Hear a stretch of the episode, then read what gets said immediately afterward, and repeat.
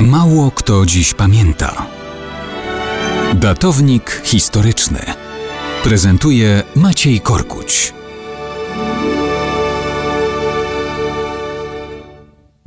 Mało kto dziś pamięta, że w grudniu 1423 roku życie zakończył wielki mistrz zakonu krzyżackiego Michael Küchmeister von Sternberg. Przeszedł on wiele szczebli awansu w zakonnej hierarchii, ale jego droga na sam szczyt nie była bynajmniej nazbyt prosta. Kiedy zakon uzyskał od wielkiego księcia Witolda Żmudź, Küchmeister został wójtem tej nowej prowincji zakonnej.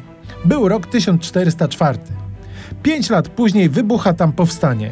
Zaczyna się wielka wojna Polski i Litwy z zakonem krzyżackim. Küchmeister musi się ewakuować do Prus. Mianowany zostaje wójtem Nowej Marchi. Objęcie tej funkcji chroni go od udziału w bitwie pod Grunwaldem, która przynosi katastrofę zakonu. Ale on w tym czasie daje się we znaki mniejszym polskim oddziałom, innymi pod Złotowem. Tam wygrywa. Pewny siebie jako dowódca staje do walki również pod Koronowem, gdzie mając dwukrotną przewagę liczebną, jednak przegrywa bitwę z polskim rycerstwem i dostaje się do niewoli. Kto dzisiaj jedzie z Krakowa do Warszawy, podziwiać może ruiny zamku w Chęcinach, do którego trafił Küchmeister w kajdanach. Powraca do zakonu wymieniony za pojmanego przez niego pod Złotowem rycerza Jarosława z Iwna.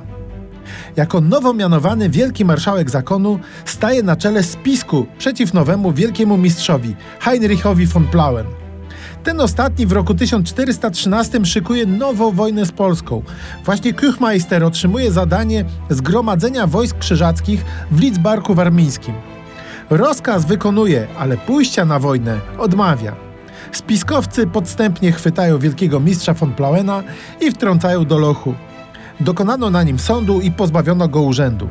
I wtedy, właśnie w takich okolicznościach, jego miejsce zajmuje Küchmeister von Sternberg.